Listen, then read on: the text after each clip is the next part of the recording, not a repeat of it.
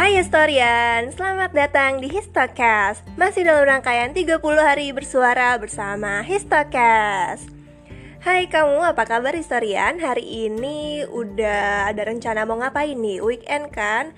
Dan hari ini berhubung 12-12 ya Kayaknya kita lagi rame banget, banyak diskon sana sini Dan awas, jangan sampai hilaf Karena emang 12-12 ini bener-bener diskonnya gede-gedean Namanya juga hari belanja online nasional dan banyak diskon-diskon cashback yang menggoda, siap-siap ya tahan godaan. Oke, balik lagi nih, ternyata nggak terasa udah episode ke-12 Hari ini temanya unik banget dan relate Kenapa saya bilang relate? Karena tema hari ini itu relate banget sama generasi milenial atau generasi Z Relate juga ke saya karena Hari ini temanya bahas tentang bucin, jadi saya rasa siapa sih yang gak pernah bucin? Mungkin bucin itu satu fenomena, satu istilah yang baru rame, baru kita kenal tuh sekitar 2-3 tahun belakangan. Nah ngomongin tentang bucin alias budak cinta ya, kalau menurut Kamus Besar Bahasa Indonesia nih, bucin itu sebenarnya nggak ada arti yang khusus sih, jadi bucin ini tuh cuma dipakai buat bahasa prokem atau istilahnya tuh bahasa gaul gitu. Nah, kalau ngomong-ngomong tentang bucin juga, ternyata nih waktu 2019 lalu ya lebih tepatnya kata bucin itu rame banget orang-orang pakai rame banget buat orang-orang tuh ngomong dikit-dikit bucin banget sih loh dikit-dikit ih bucin banget sih mau aja diturutin sama pacar Nah, istilah bucin sendiri itu sempat masuk ke daftar pencarian terpopuler di Google tahun 2019. Nah, ngomong-ngomong tentang bucin alias budak cinta, sebutan yang populer atau istilah yang populer buat orang-orang yang mendewakan pasangannya, mendewakan cinta atas segala-galanya. Sebenarnya kalau bucin sendiri itu bisa macam-macam ya. Bucin itu bisa bucin sama pasangan, bucin sama idol K-pop, bucin sama binatang peliharaan, make up, pokoknya macam-macam.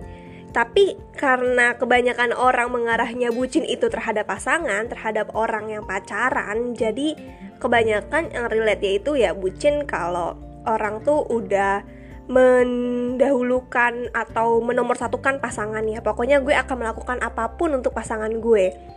Nah, ngomongin tentang bucin, historian, sebenarnya bucin tuh nggak melulu tentang pasangan sih ya, walaupun kata bucin sendiri alias budak cinta itu lebih sering mengarah ke pasangan, entah itu cewek, entah itu cowok, dan sifat bucin ini nggak kenal gender. Anak muda zaman sekarang juga sudah saya bilang yang dari awal ya bahwa relate banget nih sama yang namanya bucin karena anak muda zaman sekarang kayak saya gitu, kamu historian mengartikan bucin itu sebagai sikap yang cinta-cintaan yang apa ya bisa dibilang kayak budak-budak cinta gitu. Sederhananya sih bucin ini adalah orang yang nggak bisa hidup tanpa pasangannya dan ketika punya pasangan mereka tuh rela melakukan apa aja demi pasangannya, rela melakukan hal yang mungkin di luar batas kemampuan tapi uh, selalu diusahakan. Terus bucin itu pokoknya selalu menomorsatukan pasangan gitu. Terus kalau menurut kamu historian fenomena bucin sekarang tuh kayak gimana sih? Apakah bucin itu masih hal yang biasa atau bucin tuh udah level yang kronis? Karena bucin itu beberapa orang tuh bisa mengartikan bahwa bucin tuh sesuatu yang berlebihan sampai harus diingatkan sama temennya kalau saking bucinnya nih sama pasangannya dia sampai nggak kenal sama dirinya sendiri. Terus apa pendapat psikolog tentang fenomena bucin ini? Jadi, ternyata kalau kita lagi kasmaran nih, kita lagi jatuh cinta, seseorang pasti mau dong untuk melakukan yang terbaik demi pasangannya. Kamu pun juga begitu.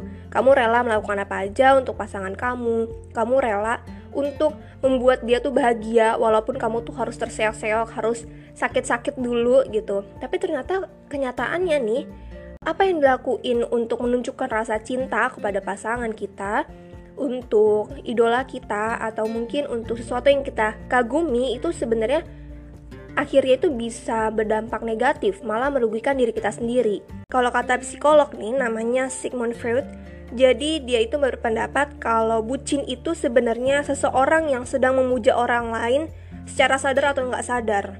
Nah maksudnya gimana tuh? Jadi gini, orang yang kita suka gitu, maksudnya orang yang kita kagumi, orang yang kita suka kita cinta gitu kita rela untuk melakukan apa aja dengan segenap jiwa dan raga kita. Pokoknya dengan setulus mungkin kita lakukan untuk pasangan kita itu agar bahagia. Saking cintanya nih sama seseorang jadi orang itu nih nggak sadar gitu. Dia bahkan rela berkorban sebegitu besarnya rela berkorban untuk melakukan apa aja untuk orang lain. Bahkan kalau misalnya orang itu si pasangannya ini mungkin um, bersikap biasa aja dia tuh tetap rela untuk melakukan apa aja. Bahkan nih yang lebih parah ada juga seorang yang rela untuk ngelakuin apa aja untuk mempertahankan hubungannya. Mencegah untuk pasangan itu meninggalkannya pokoknya dia rela ngelakuin apa aja bisa sampai ngejar-ngejar uh, ya macem-macem lah. Nah di sisi lain sebenarnya bucin itu juga kalau berlebihan nggak bagus.